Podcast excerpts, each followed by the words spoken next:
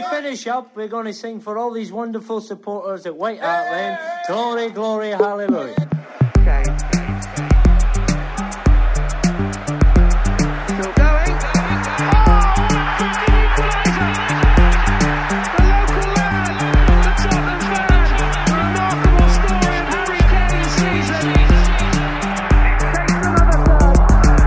Hi, I'm Loki King, and you're listening to the Golden Cockerel podcast.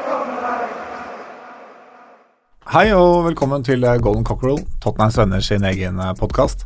Dagens programleder det er meg, eh, Petter Frydenlund, og i dag skal vi snakke om eh, Pochettino. Vi skal snakke om eh, ligacupen, og skal vi også diskutere litt hvordan eh, supportere er på sosiale medier. Før vi runder av på slutten med å snakke litt om årsmøtet i Tottenhams venner og besøk av Ryan Mason eh, nå sist helg. Så med meg her i studio har jeg tre gjester. Vi kan begynne med deg, eh, Janne Eide Andreassen. Ja, hei. Velkommen til deg. Du er eh, stamgjest på Bohemen. Jepp. Vålerenga, St. Pauli og Tottenham-supporter. Ja, og Tyskland. Og Tyskland-supporter. Bare for å ha det sagt. Ja. Så har vi Ole Andreas Olsen. Hei, hei. Du er ja, fra Golden Cockerel, vil jeg nesten kalle det. Ja, må vel si det. Tottenham og Cheltenham er eh, kombinasjonen der. Hva er, eh, hva er greia der? Ja, og AIK. AIK. Ja. Um, nei, det De spiller ikke i samme ligaer, så da er det lov, tenker jeg. Men du har vært mye og sett Cheltenham Cheltenham, har du ikke det? Jo eh, Det er eneste gang jeg var på bortetribunen på eh, White Hart Lane, det var når eh, Tottenham slo eh, Cheltenham 3-0 i uh, FA-cupen. Eh, Fortell hva, hvordan var det å ikke juble, eller uh, jubla du? Nei, eller det, det merkelige var jo at man uh, håpa på scoring uansett hvem som angrep. Så uh, Men uh, jeg jubla jo når Jeg jubla på hver scoring. Det ble jo 3-0, som sagt. Og eh, det var flere blant Cheltenham-supporterne som også var Tottenham-supportere. Eh, så det var stor stemning. Det eneste jeg husker som ikke var så gøy, var når eh, Jermaine Defoe stjal en scoring fra Gio. Sånn, sånn brattbakkskåring på streken. Men, eh, men det var stas. Ja. Sistemann i studio er eh, Frode Lia. Du er jo Hei, hei. Ipswich-supporter. Og Vålerenga. Og Vålerenga. Ja, det er ikke derfor uh, mest derfor du er her, men uh, Det skal jo sies at uh, jeg er mer fan av bydelen Vålerenga, da. eh, I og med at jeg bor der. Ja, som Oslo Øst-patriot uh, sjøl, så kan jeg jo slenge meg med på bydelen Vålerenga, i hvert fall. Eh, du er jo redaktør i Josimar, Mhm. fotballmagasinet som fyller ti år neste år, stemmer ikke? Det stemmer. Mai neste år. Så for å slenge inn litt, eh, litt reklame der, så er jo det et eh, magasin som vi i Tottenhams Venner er veldig glad for at finnes. Men uh, ideen er jo snart ti ti år, for eh, jeg fikk jo ideen eh, rett før julaften 2008, og starta fire måneder etterpå. Ja. Hadde du trodd at du skulle holde på ti år seinere?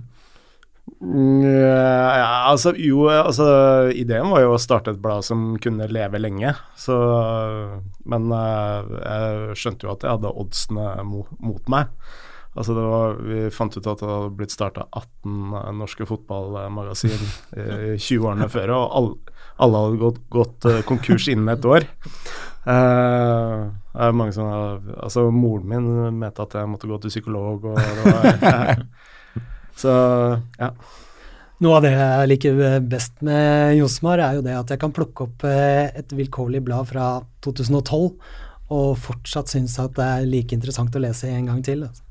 Ja, det er jo litt sånn ideen til bladet, at vi har masse sånne tidløse, tidløse saker, og så har ha dekning av områder innenfor fotballen som ikke dekkes av avisene, da. Sånn som historikk, eh, taktikk, supporterkultur osv. Og, Og politikk, og politikk. Ja. ikke minst. Politikk var jo kanskje det aller viktigste. Eh, for når vi starta, så var jo også Fifa eh, Fifa like mye i vinden som det de er i, i dag. For da var liksom de første avsløringene med Andrew Jennings og, og sånt, men det var liksom ingen som fulgte opp, da. Eh, så ja. Det politiske er også veldig viktig for oss. Mm. Du har vært med i Golden Cockroach en gang tidligere. Det er nå fire år siden. Da var uh, Pochettino akkurat uh, nyansatt i, i, Tottenham. Også et jubileum. Ja. Husker du, husker du hvordan du analyserte Tottenham den gangen og, og Pochettino? For å være helt ærlig, det husker jeg ikke. Nei. det er noe av grunnen til at jeg inviterte deg i dag, Frode, er uh, jeg har nylig hørt den podkasten om igjen, og det er veldig interessant, fordi du har uh, truffet veldig, veldig godt. Du, snak, du snakka mye Det var en litt sånn desillusjonert gjeng med Tottenham-sportere etter vi hadde hatt uh, først Villas Boas og så Tim Sherwood, og så, så kommer uh, Maurizio Pochettino, og du sitter i den podkasten og forteller om uh, hvor fantastisk han er som trener, og hvordan han skal bygge Tottenham opp. Og mm. så skal jeg sitte liksom og tenke på sidelinja at ja, ja, men det hørte jeg om André Villars Boas også. Mm. Uh, men uh, han har jo gjort det Han har jo tatt Tottenham til nye høyder, det er ikke noe tvil om det. Og noe av det du snakka om altså sånn på spillersiden også, er, eh, har jo også vist seg å, å stemme, og det er jo enten nevnte, var jo at han var veldig glad i å ha spillende midtstoppere. Mm. Den gangen så hadde jo Tottenham eh, Kabul, og altså, det var Fasio, og det var mye stoppere som ikke kunne spille ballen. Så fikk han jo henta Toby Aldevereld, mm. uh, og fikk spilt videre med Jan Fertongen. Og de har jo Vi ser jo mange av de langpasningene som de også spiller til eh, f.eks. Dele Alli, da. Eric Dyer kom vel også inn uh, omtrent uh, samme tid? Stemmer. Ja. Eric Dyer kom inn, og For det husker jeg vi også snakka om i samme podkast. Og det var jo en spiller som egentlig ikke så mange hadde troa på. Eller han var på en måte en ung gutt som kom for ikke så mye penger, og han var mm. jo egentlig litt et parentes den sommeren der. Uh, mens du mente i podkasten at Eric Dyer, det var en spiller vi måtte følge med på. Ja. Jeg har god hitrate, da. Jeg, jeg skal jo sies at jeg bommer også, øh, også, også ofte. Uh, men du nevnte Villas Boas, da. Uh, og uh, en ting som jeg ikke nevnte i den podkasten, det er jo at jeg tror en ting som Pochettino har gjort som ikke har blitt nevnt så mye tidligere, men det er jo treningsregimet hans. At han, eh, han, er jo helt på andre siden av Villas Boas, f.eks., når det kommer til treningsregimet. Uh, Villas Boas kommer jo liksom fra den portugisiske skolen med, uh, med det man kaller på fotballfagspråket periodisering. Da. At du skal ha liksom så og så mange dager hvile og etter kamp før du Altså du har kanskje én hard treningsøkt i uka hvis du mm. også spiller en, en, kamp. Mens Pochettino er jo mer av den gamle skolen, da, at du skal i hvert fall ha to-tre økter med høy intensitet, uh, godt trente spillere. Uh, og det tror jeg veldig mange av Tottenham-spillerne uh, har hatt veldig godt av, da, den, det type regime. Og så har liksom kritikerne vært at uh, hver gang det har vært noen Tottenham-spillere som har vært ute med skade, ja, han trener en feil og sånt, men Uh, altså Det er jo ikke noe sannheter uh, sånn sett i, i fotballen, men uh, jeg tror det har passa Passa troppen til Tottenham veldig godt. Da. Et annet motsatt eksempel da, det er jo Arsenal, som mm. også har et mye sånn slappere treningsregime. og Det kan du jo nesten også se på banen. Altså, det er mye mindre intensitet på uh, Uh, sånn uh, Arsenal har spilt de siste årene enn det Tottenham har spilt. Altså Du ser med en gang Tottenham uh, taper ballen, så er det jo høy gjenvinning med en eneste gang. Og det har du jo på mange måter ikke sett hos Arsenal, da. Mm. Så ja. Jeg tenker, når du snakker om det med å trene og ha um, høy intensi in, intensitet ja. Jeg merka jo stor forskjell på utseendet til Tottenham-spillerne mm. etter at eh, Pochettino tok over. Altså det der med å nesten få muskler i ansiktet, på en måte. Ja. At de var mye mer fit for fight og, og mye mindre utsatt for skader i, i, i clinch med andre spillere. Mm. Du, du, du, ser det ganske godt at her er det gutta som trener, ikke bare løpe og, og, og trene på å ta frispark og skåre mål, men at de, de også er ordentlig, ordentlig sterk, da. Ja. Mm. Og Tottenham eh, har jo, altså før Pochettino, har jo hatt en eh, brokete forsamling med trenere. Altså du har hatt uh, Sherwood som man kan uh, diskutere hvor uh, sterk han er fotballfaglig og treningsfaglig. Harry Rednap. Eh, mye av det samme. Villas Boas uh, er jo en sånn fotballfagperson, men det er jo ikke nødvendigvis at det Altså, i andre klubber så kan det hende at Villas Boas passer, passer mye bedre enn Pochettino f.eks., men uh, Men ja, jeg tror bare Pochettino sitt treningsregime og måten han er med spillerne, og det er jo kanskje en av hans aller største styrker.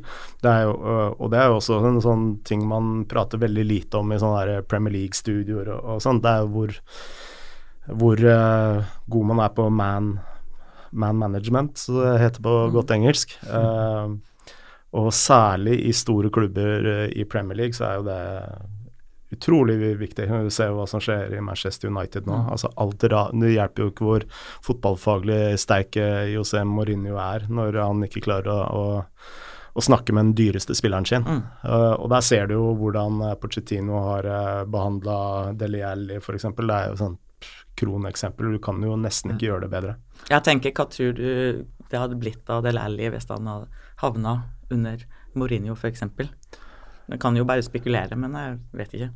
Nei, altså det er jo vanskelig å, å, å spekulere i, men jeg, jeg ser for meg at han blir sånn, litt sånn Lindegård, litt sånn uforløst, da. Eh, jeg tror Tottenham har fått maks ut av Deli Alli, og jeg tror ikke Deli Alli hadde uh, altså maksa sitt potensial i uh, Manchester United under, under Mourinho. Jeg tror jo uh, Harry Redknapp er kanskje kroneksempelet på det du beskrev med en sånn fyr som kan manage, man management. Ja. Det er jo Treningsspillerne har jo sagt det selv, de elska å spille under han, men de lærte ikke dritt.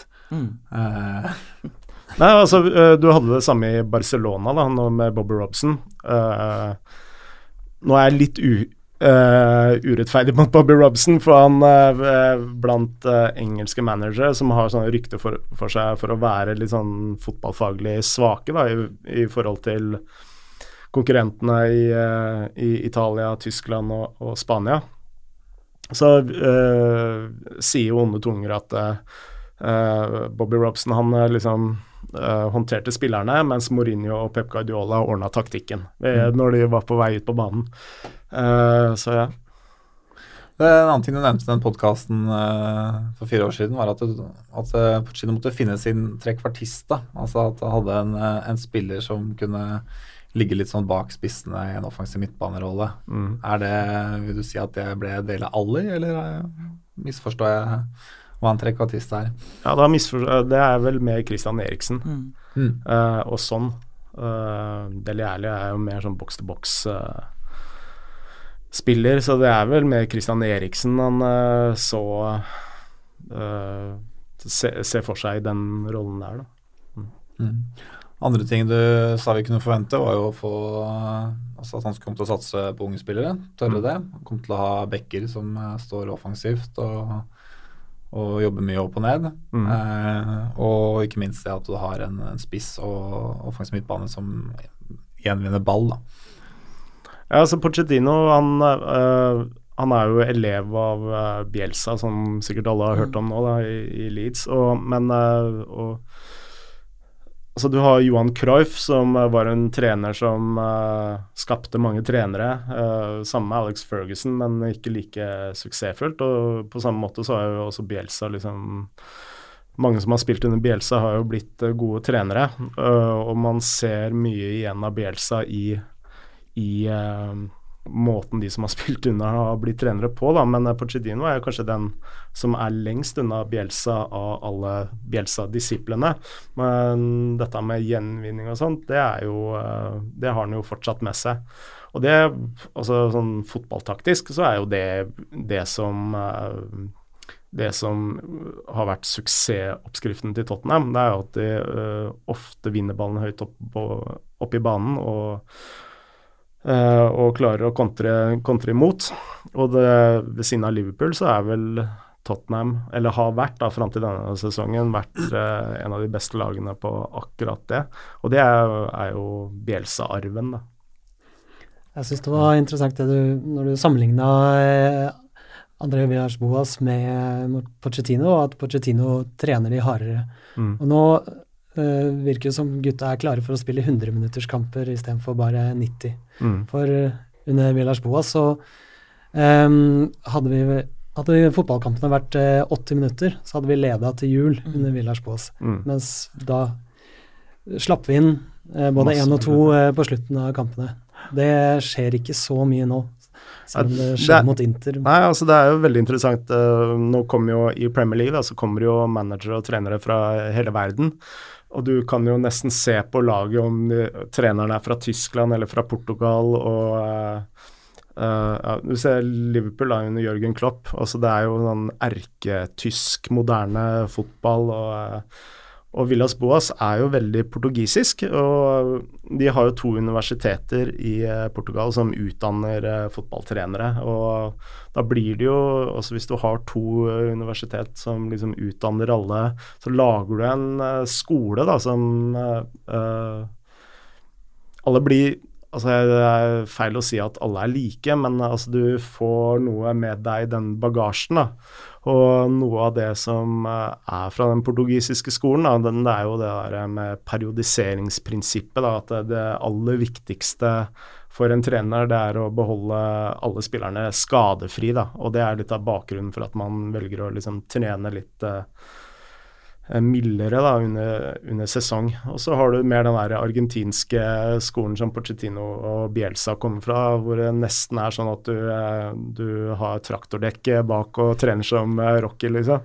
Det har jo fungert eh, helt åpenbart, for vi ser jo noe av det bekymringen var jo at eh, at Tottenham skulle bli slitne utover sesongen under Pochettino, og det har jo ikke slått til i det hele tatt. Tottenham har jo tvert imot uh, ofte vært litt sånn uh, slow starters, og så har de jo kommet utover våren og Ja. vært det beste laget i Premier League uh, flere vårsesonger på rad.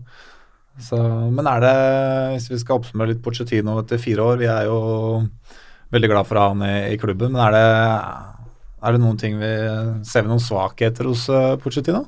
Altså, jeg vil, ikke, jeg vil ikke si at det er noen sånn åpenbare svakheter, men han er nok ikke like nytenkende da, og da tenker jeg gjerne sånn taktisk, da, som en del andre, andre trenere. Altså, alle nevner jo Pep Guardiola, men jeg vil jo like gjerne nevne Jørgen Klopp, som gjør øh, mye sånne mm, usynlige taktiske ting som folk kanskje ikke helt legger merke til. Da. Altså nå Uh, husker jeg så Watford, eller uh, Tottenham mot Watford.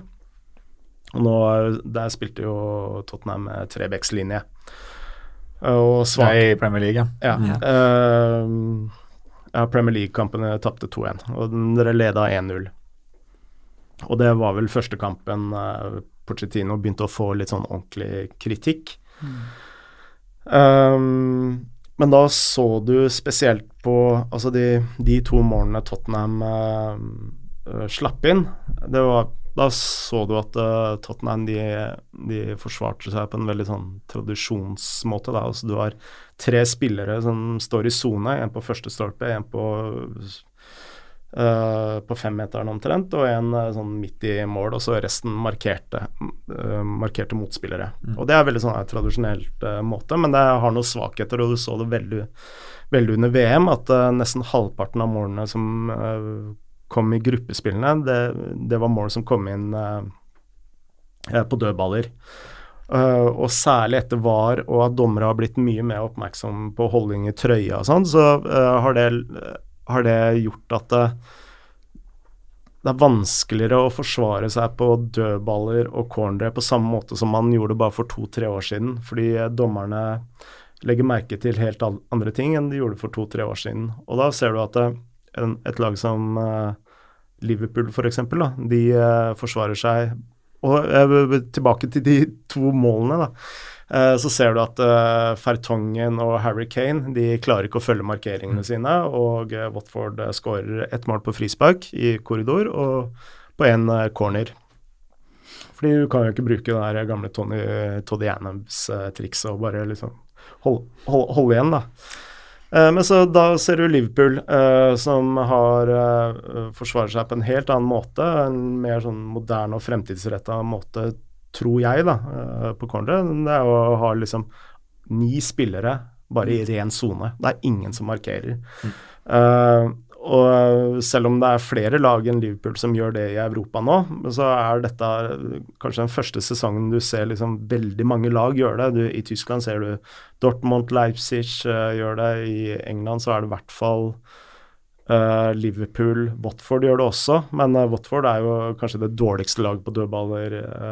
så det er, det, det er, ikke sånn automatikk at ba, hvis du bare gjør det. Men grunnen til at jeg sier det, det er bare sånt et, eksempel. da på at uh, du ser andre managere tar grep kanskje litt uh, tidligere og mer sånn drastiske grep enn det Pochettino gjør. Og det handler ikke om at det er nødvendigvis en svakhet, det er bare at han er mer sånn konservativ da, enn veldig mange andre trenere. Jeg tenker egentlig litt uh, det samme, men det jeg tenker, og det jeg av og til blir veldig frustrert over når jeg ser en Tottenham-kamp, det er at når jeg tenker i mitt hode at Oi, nå skulle vi ha gjort noe bytta. Nå skulle vi har prøvd noe annet fordi at vi stanger og stanger og stanger, spesielt mot sånne lag som Watford, så spiller sånn 5-4 Altså sånn legge seg nesten i en buss uh, bak uh, før kampen har starta. Bortsett fra at de gjorde det for så vidt ikke i går. Men uh, å gjøre noen bytter og gjøre noen taktiske grep under kampen i stedet for å vente til vi ligger inn under 2-0 eller 2-1 uh, fordi at Og det er på godt og vondt, for av og til så funker det. Kjøre, vi kjører vårt løp, vi kjører vårt løp, og det har funka. Og til slutt så sprekker bobla, og så scorer vi mål, og så er det gjort. Men, men en annen ting er at det å Nå har jo Tottenham ikke gjort noe, noe uh, nykjøp. Har ikke mista noen spillere. Og det var noen som nevnte for meg at uh, det vistes uh, veldig godt uh, Eh, i Brighton-kampen, selv om vi jo vant den, da, at her tenker uh, manageren til Brighton at ja, ja, her har vi et Tottenham som spiller akkurat samme fotball som de gjorde sist vi møtte de. Så da kjører vi bare på samme greia, og så prøver vi å vinne kampen.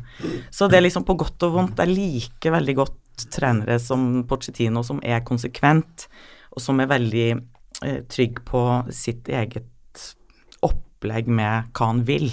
Mm. Men innimellom så er det innmari frustrerende. Ja, jeg kjenner jeg var så veldig frustrert under eh, kampene mot Liverpool og, og mot mm. Inter, hvor vi altså, Ikke minst de, ja. Altså, vi insisterer jo på å spille oss ut bakfra mm. gang etter gang, og det er jo greit å ha det som et utgangspunkt, men når man ser eh, spesielt mot Liverpool, det har vi prøvd eh, flere ganger, det er vanskelig å spille seg ut mot de. Hvorfor kan vi ikke av og til da, slå noen lange pasninger mm. bare for å få måte, at Liverpool ikke vet hva vi skal gjøre til enhver tid. og Samme skjedde i første gangen mot Inter, hvor vi jeg tror vi hadde, altså, vi hadde så mange balltap gang etter gang mm. fordi vi skulle spille oss ut. Og Inter visste akkurat De hadde sett, åpenbart sett kamp mot Liverpool og visste hva de skulle gjøre. Så da bruker vi ja, Det er først i pausen at, at Pochettino greier å endre, endre, på det. Og da spiller vi en mye bedre andre gang også mot Inter og er jo til slutt uheldige som, som taper.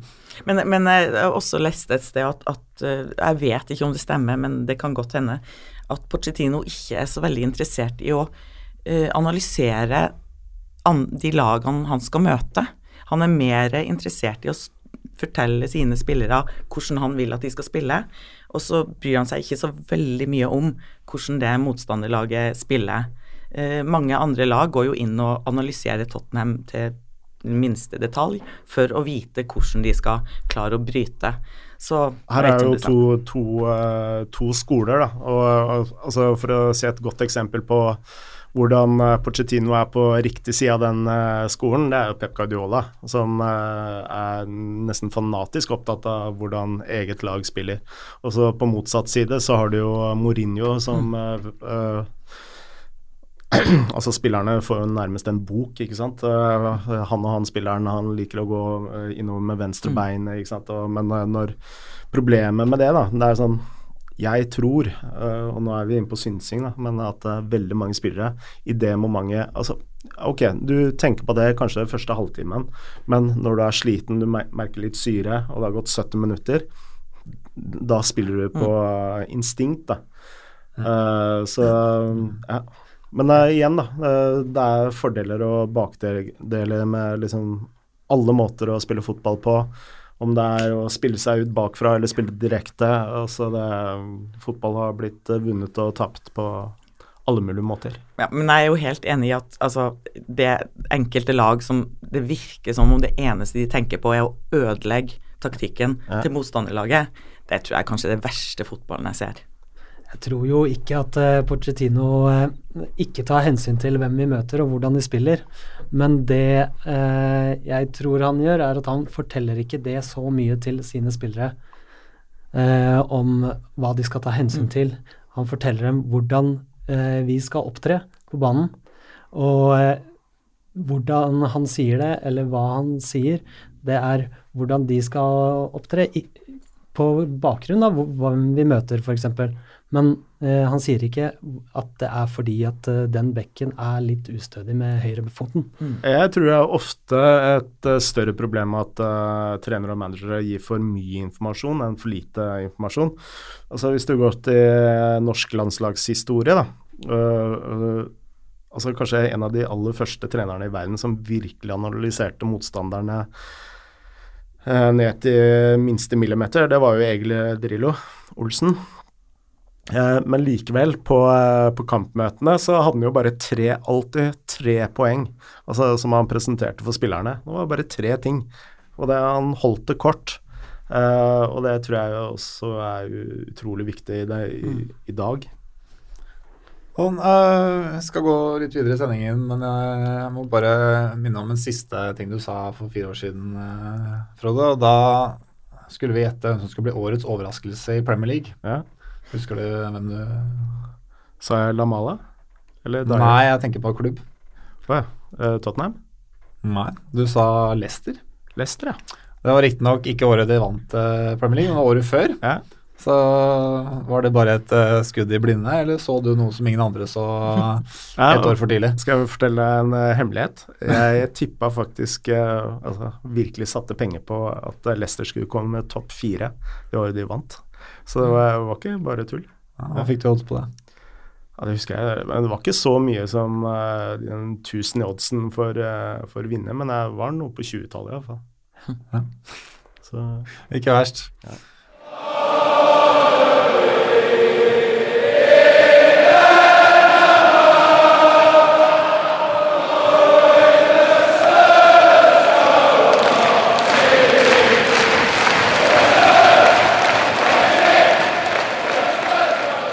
Du Janne, du er jo med i podkasten her for, eh, for aller første gang, så tenkte å høre litt eh, hva, hva er egentlig ditt, eh, ditt forhold til uh, Tottenham? Ja, det, altså, for det første, mitt forhold til fotball er jo at jeg vokste opp i en bygd der fotball betydde mye. Morild var laget. Morild fra Myre i Vesterålen. Um, og vi fulgte Morild land og strand rundt da jeg var kid. Eh, med høydepunktet da Pål Fredheim spilte, da vi kom opp i tredje divisjon. Så fotball har på en måte uh, vært livet. Um, i starten så var det ikke så mye det å se fotballkamper, det var mer det tippekampen husker veldig godt, som var liksom ukas høydepunkt.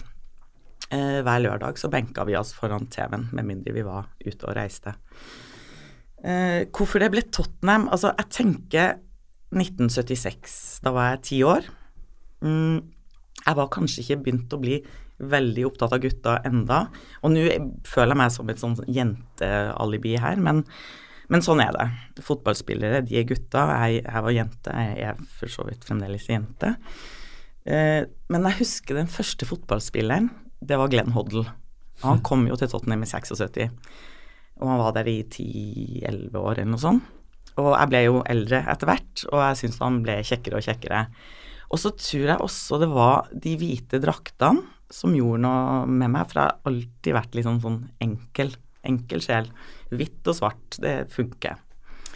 Um, etter hvert så slutta jo Glenn Hoddle, men så overtok jo på en måte Gary Lineker, som jeg også syns fremdeles den dag i dag er veldig kjekk.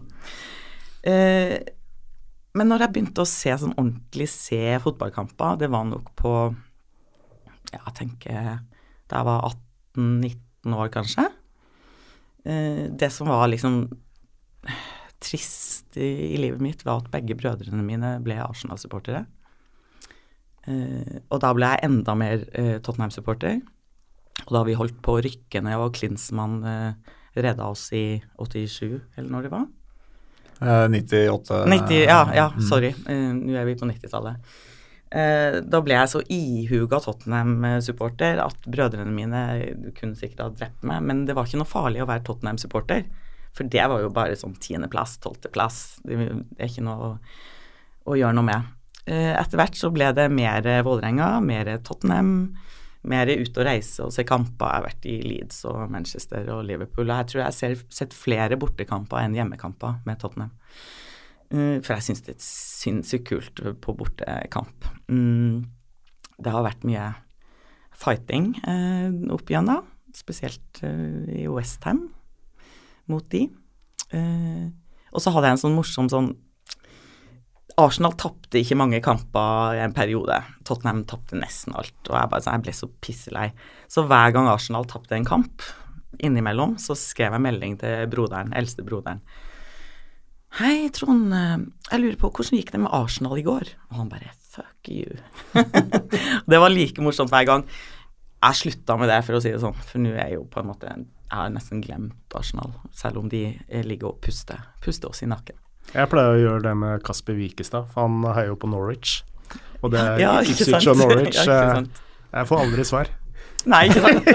Jeg fikk et fuck you i starten, og etter hvert så var det et tystnad. Altså, ja. Mm.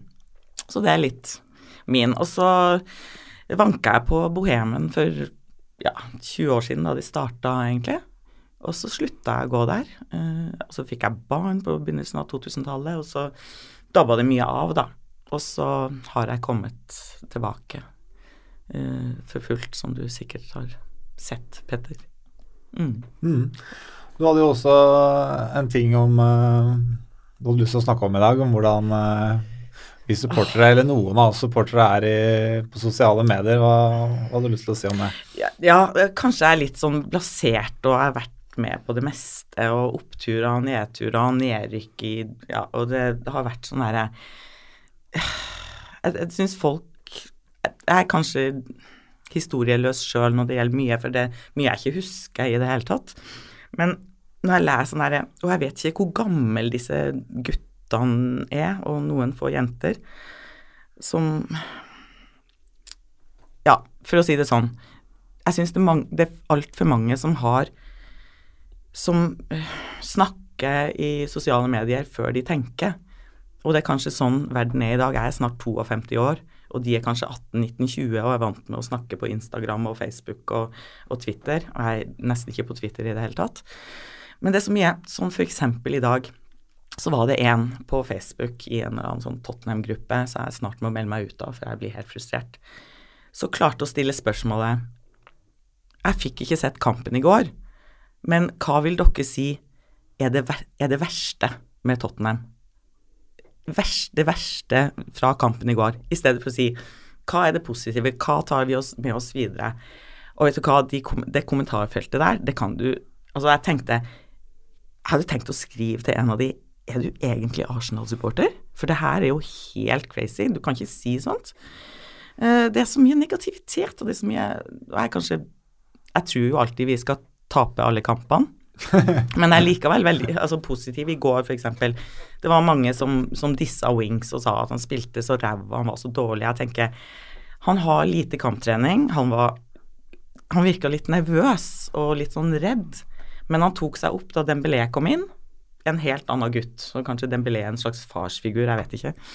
Men, eh, men, eh, men jeg tror, når jeg snakker om fotball, så kan jeg gjerne si jeg syns eh, Pochettino bytter taktikk kanskje litt for seint i en kamp, eller tar byttene for seint, eller bytter feil. Jeg kan gjerne si det.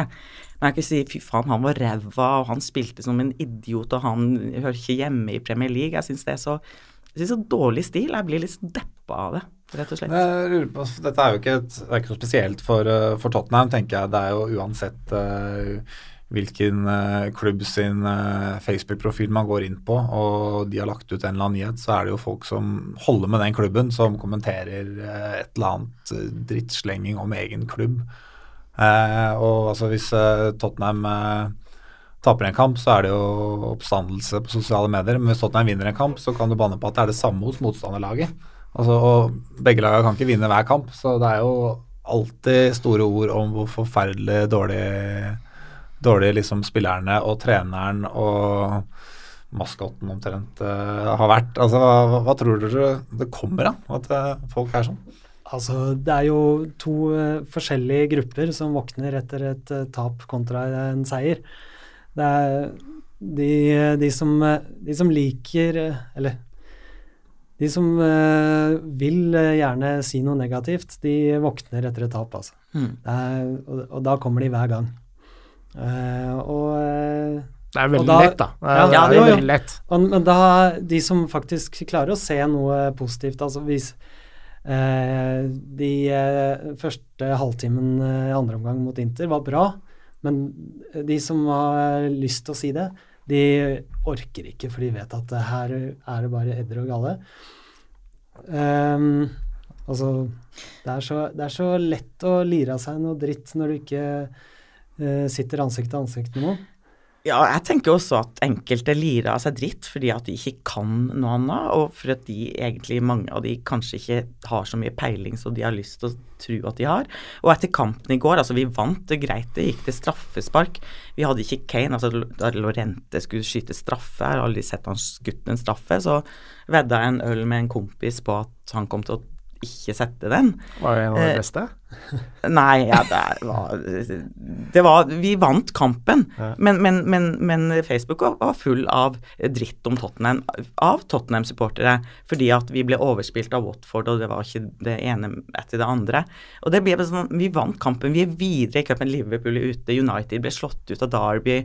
Eh, det er liksom Hallo, kom igjen, vær så snill, liksom. Ja, Det er jo veldig ofte hva skal jeg si, små marginer da, mellom uh, om man vinner eller taper en fotballkamp. Det... Altså, I fotball så er det så masse tilfeldigheter. da. Uh, altså, Nå snakker vi om den andre Watford-kampen i, i, Premier League, f.eks. Så taper på to dødballer, da. Altså det er to mm. dødballer. Uh, og det er litt sånn, hva er det Kjetil Rekdal pleier å si, klabb og babb og babb og klabb. Uh, også, det er jo litt av fotballens natur. Da. Altså det er um, altså Deli Alli kunne jo også putta to mål i mm. første omgangen der, og, ikke sant? så det er uh, masse tilfeldigheter. Og så tar man bastante konklusjoner på uh, små marginer. Mm. Så ja. Ja, så tenker jeg det er en, en stor forskjell Jeg tror nok at mange mange som står ved siden av meg på Bohemen, kan nok uh, tenke at jeg stutter og klager uh, mye på Tottenham underveis. Men uh, det, det, handler jo egentlig bare om et sånt stort ønske om å vinne fotballkamper. da. Mm. Jeg har så lyst til at Tottenham skal vinne. Jeg syns det er så gøy når Tottenham vinner, og jeg blir så lei meg når de ikke gjør det. Så det er jo en sånn frustrasjon mm. underveis når en eller annen feilpasning kommer og sånn, og det, det, handler jo ikke alltid om at, uh, Nei, altså, om at jeg mener at ting er, at ting er ræva, men, uh, men uh, nå pleier jeg som regel ikke å kommentere så mye i sosiale medier etterpå, da. Da har jeg jo kanskje fått pulsen litt ned. Nei, altså Hvis du er Tottenham-supporter og klager mye, da er dere faen meg bortskjemte, ass. Prøv, prøv, prøv Ipswich et år. men, men en, en, liten morsom digresjon der, for da er på en måte valgte Tottenham så var Ipswich, Ipswich innom hodet mitt fordi at jeg syns, som kid, liten kid, ja. syns jeg var så gøy å si Ipswich. Ipswich ja. Det er veldig gøy å si altså, Ipswich. En grunn til at jeg ble Ipswich-supporter, det var jo at uh, akkurat det året jeg ble interessert uh, for fotball, så var jo Ipswich helt uh, oppe i toppen mm. og kjempa om ligagull. Uh, men året etter så var det jo helt ferdig, men da var det jo for seint. Mm, ja ja, du har valgt laget ditt. men, eh, men er, uh, ja. ja, ja Bobby Robson han var, var jo uh, manager i Ipswich i 13 år, han. Mm. Bare, bare én ting med hensyn til det der med klaginga og drittslenginga og Tottenham. Jeg, jeg skulle egentlig ønske at flere Men som sagt, jeg er for gammel til kanskje å tenke at folk skal oppføre seg på Facebook, men kunne kritikken vært litt mer konstruktiv? Altså i stedet for å si faen, Wings er ræva. Altså sånn, ja, men hva, har du noe forslag til noe, noe, bedre, på en måte? Det er nesten som å være på quiz. Jeg, Nei, du tar feil. Kan jeg komme med noe? Jeg tror uh, problemet er mer Facebook enn uh, ja, en av to, uh, Tottenham-supportere eller fotballsupportere generelt. Altså, det er jo bare Facebook. Ja. Altså, du har det, er du ute etter eder og galle på Facebook, så, så Men det er klart, du møter du en fyr på puben som, som sier det samme, på en måte, så, så sier jeg jo at hallo, hva er det du mener, og har du noe forslag til forbedring, eller De fleste er jo kjerring, ikke sant. De tror ikke jeg har peiling. Mm. De blir litt sånn satt ut og skjeller meg ut i stedet for, og det er like greit, syns jeg. Og fortelle Apropos det å ha litt perspektiv perspektiver på, på ting. Det var eh, Jeg var jo i Newcastle når Tottenham tapte der. Var det 5-1 det ble til slutt, og vi mista andreplassen og ble nummer tre i, i Premier League, som var jo det beste Tottenham da hadde gjort på 25 år eh, den gangen. Og vi sitter i, jeg og en kompis sitter i taxien i Newcastle eh, dagen etter og klager eh, og sutrer til han taxisjåføren om hvor forbanna dritt eh, det var at vi ble nummer tre og Arsenal gikk forbi igjen, og det var liksom ikke måte på hvor forferdelig synd det var på oss, da. Helt til det på en måte går opp for oss at han taxisjåføren, og han minner oss jo på det her, han holder med Newcastle, de rykka ned tre dager tidligere. så, så da holdt vi, holdt vi klokelig kjeft eh, og tok med oss Det var ja, kanskje det det var ikke er så synd på mye oss. på grunn av at Arsenal gikk forbi oss av det resultatet. Det var, gjorde det ekstra surt. Hadde det vært uh, City som gikk forbi oss, hadde det ikke vært like surt, tror jeg. Nei, det hadde det absolutt ikke. Og det var jo en eh, rar opplevelse å se det som hadde vært en så fantastisk sesong, og se så mye rasende Tottenham-sportere på tribunen som sparka i ved og slo i veggen. Og, mm, altså, det var så mye fortvilelse. Men det handla jo om det at, eh, at vi ikke hadde havna over Arsenal på, på alle de årene, og at eh, folk var lei av å bli minnet på akkurat det. da. Hi, this is Graham Roberts, and I'm listening to the Golden Cockerel podcast. Vi må jo snakke litt uh, mer om, uh, om den eh, kampen i går mot, uh, mot Watford i, i Lia-cupen, hvor vi vinner på, vinner på straffer. Vi har jo nå vunnet to straffekonker på rad. Sist var riktignok mot Hull i, i 2013. Eh, før det så hadde Tottenham tapt sju straffekonker på rad. Det vil si alle de første sju straffekonkene jeg opplevde som Tottenham-supporter, var tap. Så, og den kampen mot Hull i 2013, det er den eneste Tottenham-kampen jeg ikke har fulgt liksom, eller har sovet under kampen. For da var jeg i Australia, og den gikk klokka fire om natta.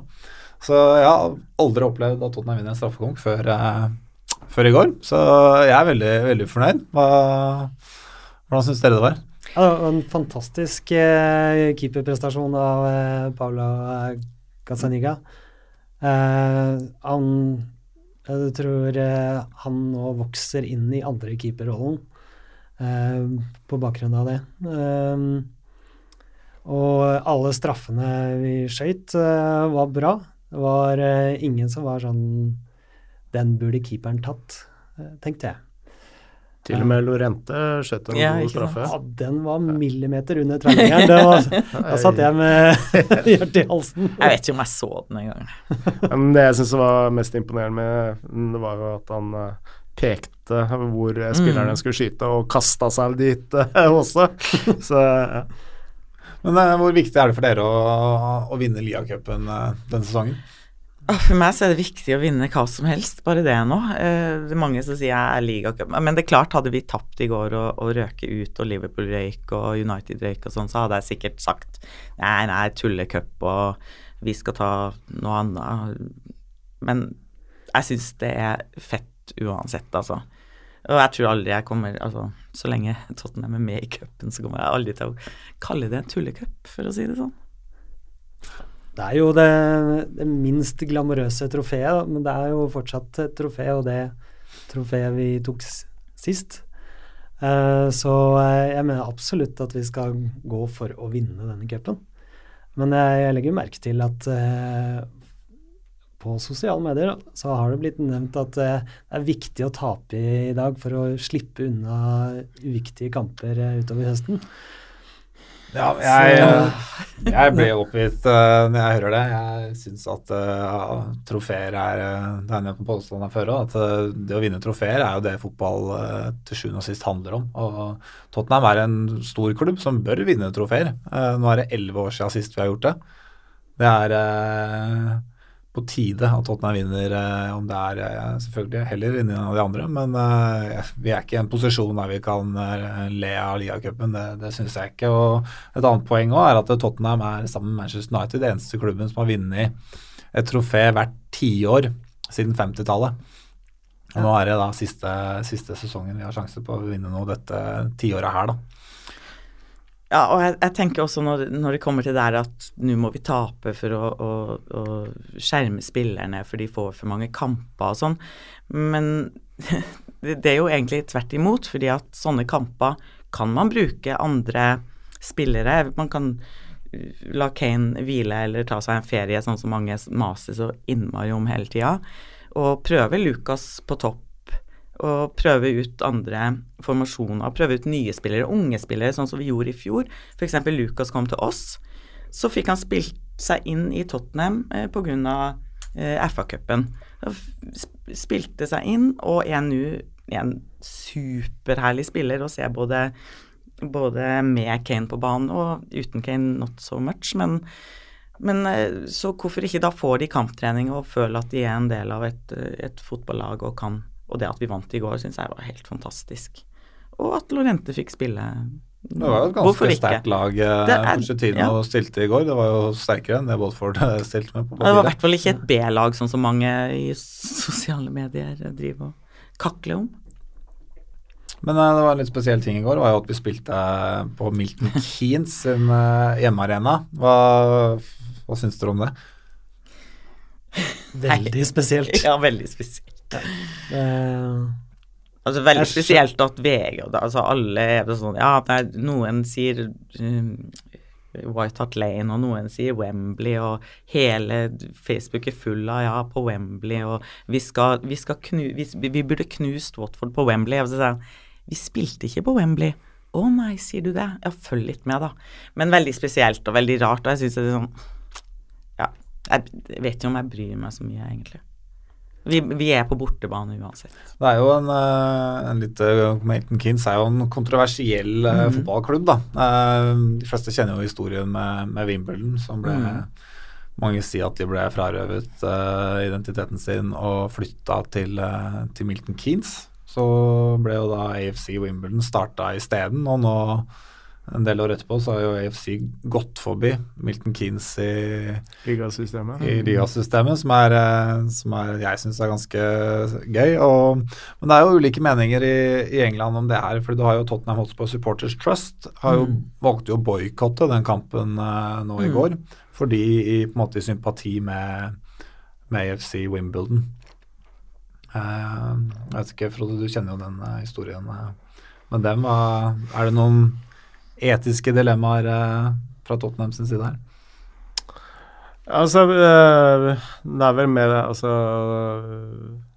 Som observatør, da, så syns jeg det er veldig interessant at uh, man i England er i ferd med å uh, Altså, det har vært det lenge, men uh, altså det som er hovedforskjellen på italiensk og tysk og engelsk fotball, da, det er jo at fotballen er veldig sånn politisk i Tyskland og, og i, uh, i, Italia, i motsetning til England. Og da tenker jeg ikke på sånn partipolitisk, da, men det er mer sånn supporterpolitisk. Uh, og det er jo litt av bakgrunnen for at uh, engelske klubber i mye større grad kan bare gjøre hva de vil med billettpriser osv.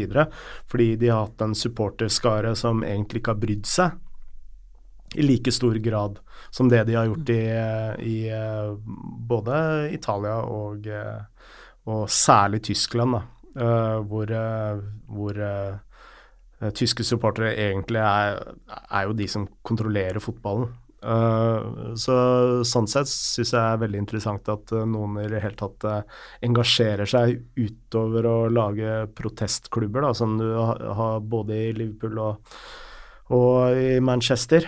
Uh, så jeg håper det kan uh, kanskje skape en litt sånn uh, Hva heter det? En sånn sirkel da, som kan Virvelvind som kan fortsette. fordi nå er jo Premier League i ferd med å skyte seg fullstendig i foten. Og du så det veldig tydelig i fjor, hvor Arsenal spilte flere kamper med halvtomme tribuner. Mm.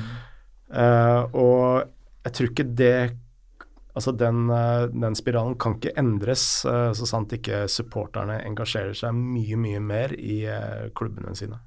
Jeg er helt enig. Det er jo mye i Hamburg på, på fotballkamp. Mye og mye. Noen ganger i året. Um, men St. Pauli er jo litt sånn spesiell, da.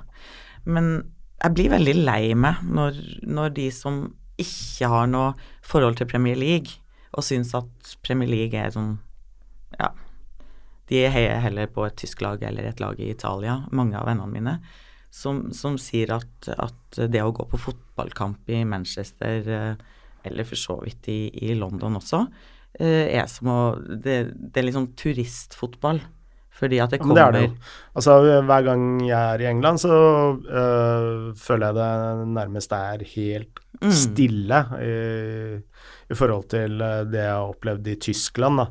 Ja, eller så, forhold til det det var i England før. Ja, uh, men, og da kan jo mange si at ja, men se på alle pengene som spyttes inn i, i TV-avtaler og sånn. Ja, det er sant. Altså, det tar tid å bryte ned det hegemoniet mm. Premier League har, men når når uh, du ser uh, skoleunger heller ha på seg Barcelona-trøyer eller uh, Bayern München-trøyer, da er det noe som er i ferd med å skje, da. Mm. så om ti år, om Premier League er verdens største liga akkurat nå altså Jeg tror det er en stor sannsynlighet for at det faktisk er, er sånn, men det er også en ganske stor sannsynlighet for at det er andre lag, andre ligaer, som har tatt kraftig inn på Premier League. Mm. Og det starter jo med supporterkulturen. ikke sant? Jeg, tror alle som mm. sitter her, ble, ble, ble jo fan av en engelsk klubb, fordi altså, når du så på TV-en, så sprakk jo nesten høyttalerne av, uh, av uh, supportersanger og og så videre. Og når det ikke er sånn lenger, så er jo produktet også Og jeg sier produkt fordi mm. alle de som styrer, styrer butikken, kaller det et produkt. Uh, så vil du få et frafall. Altså du vil heller dra på og, og det er også interessant når du drar til uh, Tyskland. Så fotballturistene i Tyskland, det er jo gjerne engelskmenn. Fordi de er opptatt av to ting. Ølpriser og billettpriser. så mm. Ja, det er jo eh, Det er jo sånn på, på alle Premier League-arenaer at det er mye turister. Altså Eh, I hvert fall blant de klubbene som kjemper opp med Europa år etter år. Men eh, når du Hvis du drar og ser på AFC Wimbledon f.eks., eh, så er det jo Da kan du jo telle antall turister på én hånd omtrent. Mm. Så det er jo Det er jo derfor folk også fatter interesse for, for disse litt mindre klubbene langt nede i systemet. Mm. Hvis man gjør det sånn som Janne og reiser mer på bortekamper enn på hjemmebanekamper, det, det er ja, noe jeg har fulgt, det er noe gjort i mange år. Det, det, er veldig, veldig gøy. Uh, du får en helt annen feeling. Du får ikke følelsen av at Jeg blir litt sånn flau når folk sier at der kommer turisten fra Norge liksom og skal se en kamp på Wembley. Det blir litt sånn kleint, på en måte. Mm. Du trenger ganske mange loyalty points for å få deg bortebillett. Uh, hvis ikke du kjenner uh, jeg kjenner noen eh, rundt omkring ja. etter hvert. ja, bekjentskaper er alltid en fordel. You're listening to the Golden Cockerel podcast. Come on, you Spurs. Da går vi over på lyttespørsmålene fra Facebook og Twitter. Første mann som har et spørsmål, er eh, Stefan Larsen, som lurer på er Harry Wings egentlig god nok for Spurs. Jeg synes ikke det, svarer uh, Stefan Larsen. Det, sånn, det, var også en sånn greie i går etter kampen. Um, ja, jeg tror han er god nok. Kanskje ikke per i dag. Han er god nok uh, å, til å komme inn. Uh, det, jeg syns kanskje han var bedre forrige sesong når han fikk spille. Så fikk han den skaden, og så har han på en måte ikke kommet helt tilbake. Men at han er, eller kommer til å bli, god nok, og at han har en plass i Tottenham systemet, det er jeg egentlig ikke i tvil om. Jeg syns det er for tidlig å eh, felle noen dom nå etter skaden. Jeg syns han var veldig god i fjor høst. Eh, kampen mot eh, Real Madrid på Wembley, da var han stor. Eh, nå ble han jo kasta innpå eh, mot eh, Liverpool. Klarte ikke helt oppgaven, syns jeg. Men eh, jeg tror fortsatt at han kan eh, bli en meget viktig spiller for Tottenham. Ja, jeg er også helt enig med dere. En uh, lokal, ung uh, spiller som uh, har mye fotball i seg. Jeg synes han, han er en av ikke altfor mange midtbanespillere sentralt på Tottenham som kan ta med seg ballen dypt og mm. sammen med Dembele og, og, og, føre den oppover. Og det, det kan ikke Wanyama, det kan ikke Dyer. Sissoko prøver, men spiller han for langt foran seg. Så, han er nok avhengig av å ha en ballvinner, et, et jern ved siden av seg. Han er ikke den defensive midtbanespilleren som skal være ballvinner. Han er mer distributøren eh, som skal strø pasningene. Eh, kanskje frakte ballen litt forover. det var jo kan, veldig ja. nakent i går. Uh, på midtbanen til, til Tottenham uh, mm. mot Watford. Men, du, men jeg syns jo jeg så en annen Wings da Dembélé kom inn, en, med litt mer uh, sjøltillit og, og, kanskje det har noe med hvem man spiller sammen med, og hvem man har spilt sammen med tidligere, og hva de gjør på trening og sånn. Men, eh, men, eh, ja, det har nok noe å si. Mm.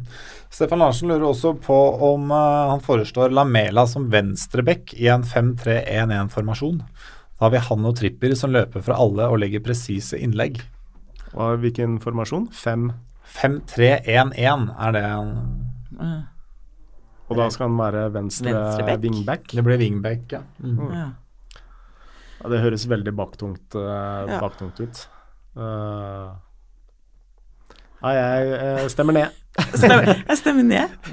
Fem bak, nei, fire uh, Lamela jobber riktignok som en hund, men, uh, men han jobber hjemover uansett om han spiller på vingen eller ikke.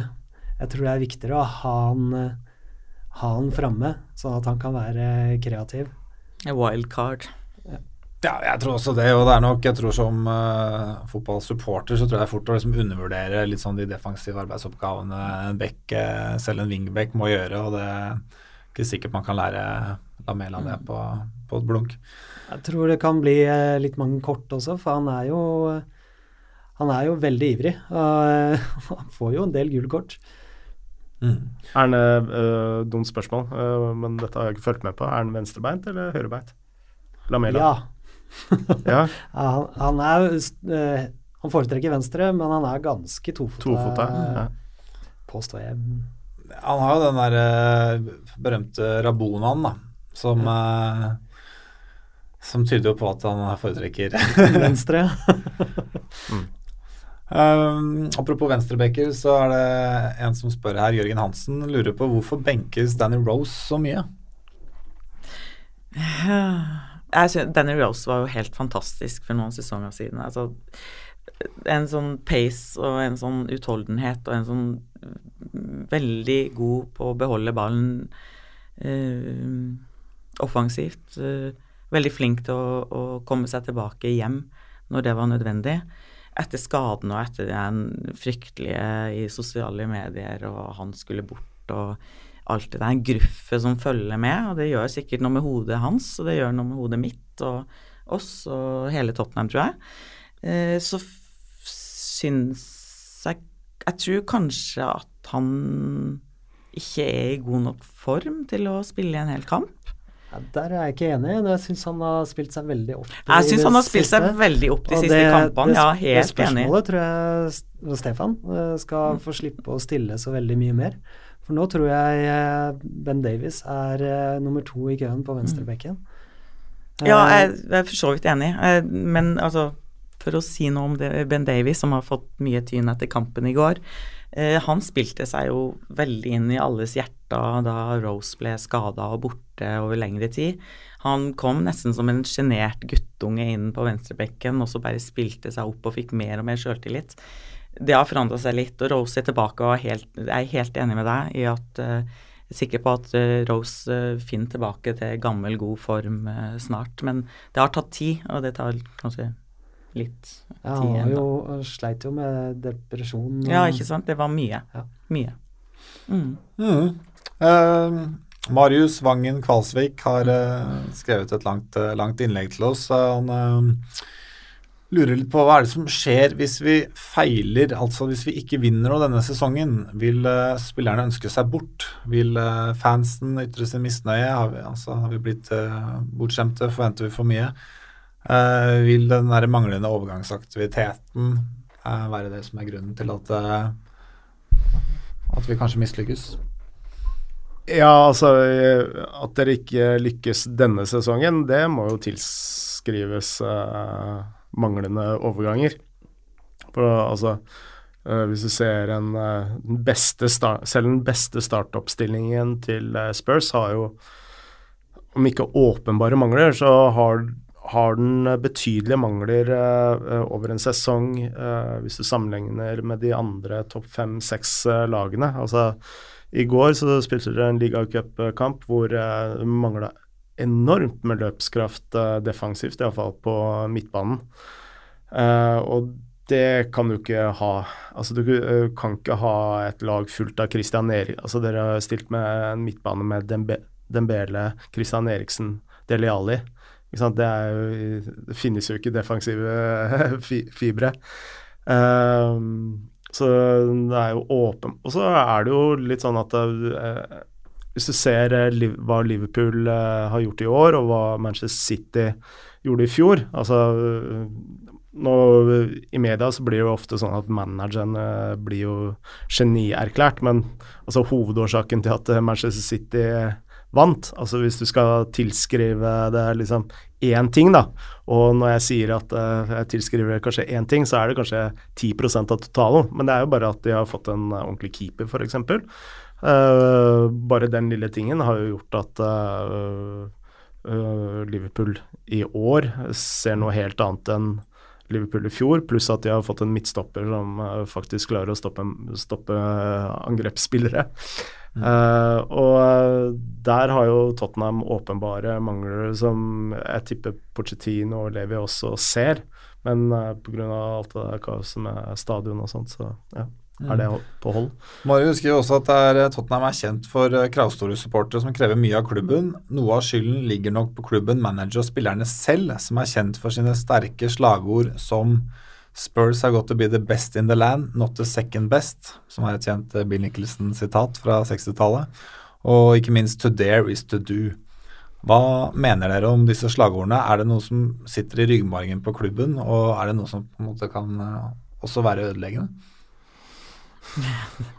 Jeg syns det der med, Jeg syns det er så kjempevanskelig, for jeg sånn, jeg har så sinnssykt lyst til å vinne nå. Jeg har lyst til å vinne Premier League og og så har det vært så mye tull.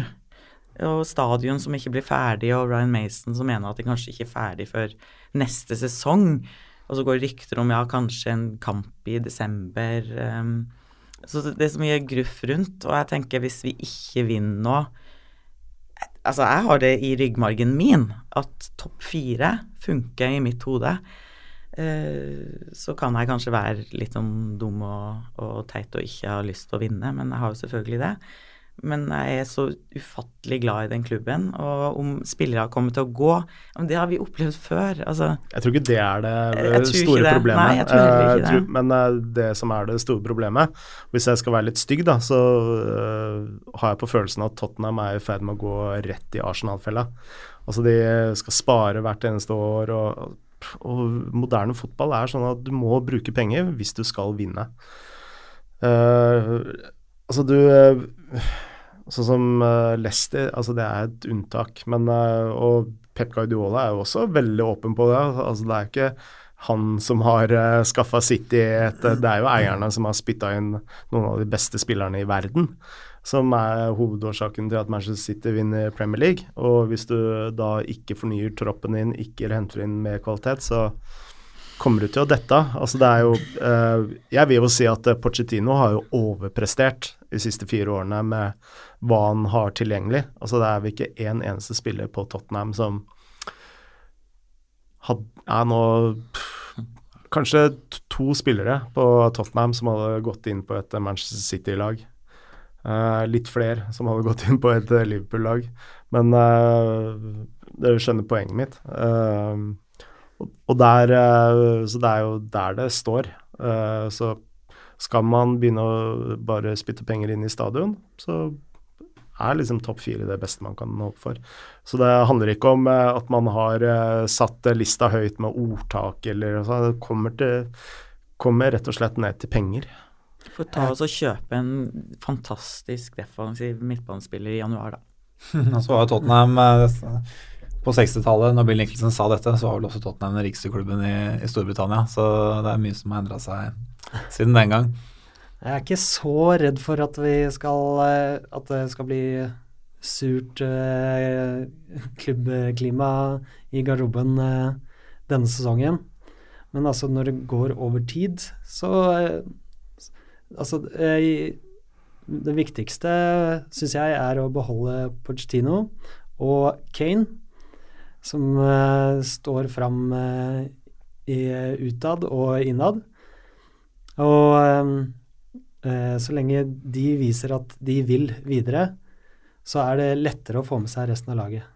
Hvis eh, Kane plutselig skulle si til sommeren at eh, nei, nå stikker jeg til Real Madrid, da tror jeg vi kan eh, frykte en uh, masseeksodus av, uh, av spillere. Men det, jeg tror absolutt det ikke kommer til å skje. Altså. Vi skal begynne å runde av denne podkasten snart, men i helgen så var det jo et årsmøte i Tottenhams Venner med mange medlemmer til stede. en annen som var til stede, var jo Ryan Mason, som fløy inn fra fra England. Hvordan, uh, Ole Andreas og Janne, dere var jo der. Hvordan syns dere det var å høre på Ryan Mason? Jeg syns det var veldig koselig. Nei, han virka jo som en Jeg ble jo liksom tårevått til tider, og veldig morsomt å høre hans historie fra han var kid og var Tottenham-supporter, og hans drøm var å spille for Tottenham, og, og alt det som skjedde etter den hodeskaden. og han fikk, eh, synes han fikk masse fine spørsmål fra salen. og, og jeg må si, Dattera mi på 18 hun ble litt sånn flau da jeg posta på Instagram som a little bit starstruck, uh, og med bilde av meg og Ryan Mason og sånn. Jeg tror den første selfien jeg har tatt med en spiller ever, bortsett fra Freddy Dos Santos, da. Eh, så det var, det var, fint å høre hans historie. Eh, og for å være helt ærlig så tror jeg ikke jeg visste at han var så inne i klubben. Men det at han trener f.eks. U18-laget som samme dag vant mot Westham 9-0, som var litt morsomt, mm. um, er jo, syns jeg, er veldig kult. Mm. Han, han, var veldig flink til å eh, fortelle ærlig hvordan eh, ting har vært. Spesielt med tanke på hodeskaden og eh, han tenkte egentlig mye på å komme tilbake på fotballbanen, og mens uh, åtte av ti leger sa at du skal bare være glad for at du lever, så sa han jo at han han hørte mest på de to siste legene som sa at du skal få spille fotball igjen. Det er grunnen til at de to legene tjener penger. Ja, uh, og så er det veldig hyggelig å høre om hans forhold til Pochettino. At Pochettino ville ikke at han skulle selges, eh, men eh, Ryan tok selv valget og, og trengte mer spilletid. Eh, nå er han tilbake, og de Det er helt klart at Pochettino vil at han skal bli, bli trener i dag, så jeg vil ikke bli overraska om Ryan Mason sitter i sjefsstolen på nye White Hart Lane om ti år. jeg syns det var også veldig fint og, og ærlig fortalt om alle de utlånene, at han var, ble lånt ut eh, eh, på godt og vondt, og noen gode opplevelser og noen ikke så gode. Men som han sjøl sa, selv de fotballmessige ikke så gode opplevelsene gjorde noe med han som mann. At han, han vokste opp på en måte og ble større og sterkere som mann. Det er Et interessant poeng med, med Mason er jo at han slo jo gjennom eh, i en alder av 23 år. og Det er jo kanskje noe man skal huske på når eh, man uh, ja, omtaler enkelte unge spillere i dag.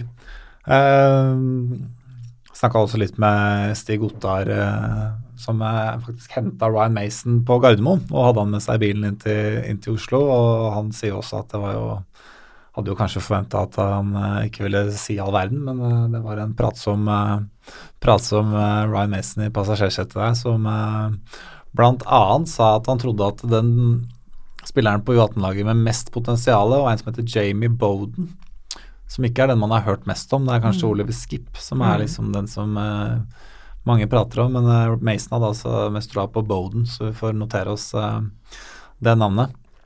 En annen ting som skjedde på årsmøtet, var jo at det ble valgt eh, ny leder i Tottenhams Venner. Vidar Edel eh, takket av etter eh, tolv eh, gode år med stødig ledelse. Og Bjørnar Valen eh, tar altså fra Stavanger tar altså over roret der. Og tanken er at både Bjørnar og Vidar er med i neste måneds Golden Cockerels, får vi høre litt fra dem. Så da vil jeg bare avslutte med å takke dere for at dere kom i dag. Og så vil jeg også avslutte helt til slutt med å nevne Chas fra Chas and Dave, Mm. som eh, dessverre gikk bort i, eh, på lørdag. De er jo De fleste norske Tottenham-supportere forbinder jo Chas and Dave nest kanskje bare med de uh, cupfinalesangene fra 80-tallet og sånt, men uh, Chas and Dave har ganske mange kule, kule låter som, uh, som er populære i, i Storbritannia, så dere skal få høre, høre en av de låtene nå, og så anbefaler jeg å sjekke ut de på Spotify.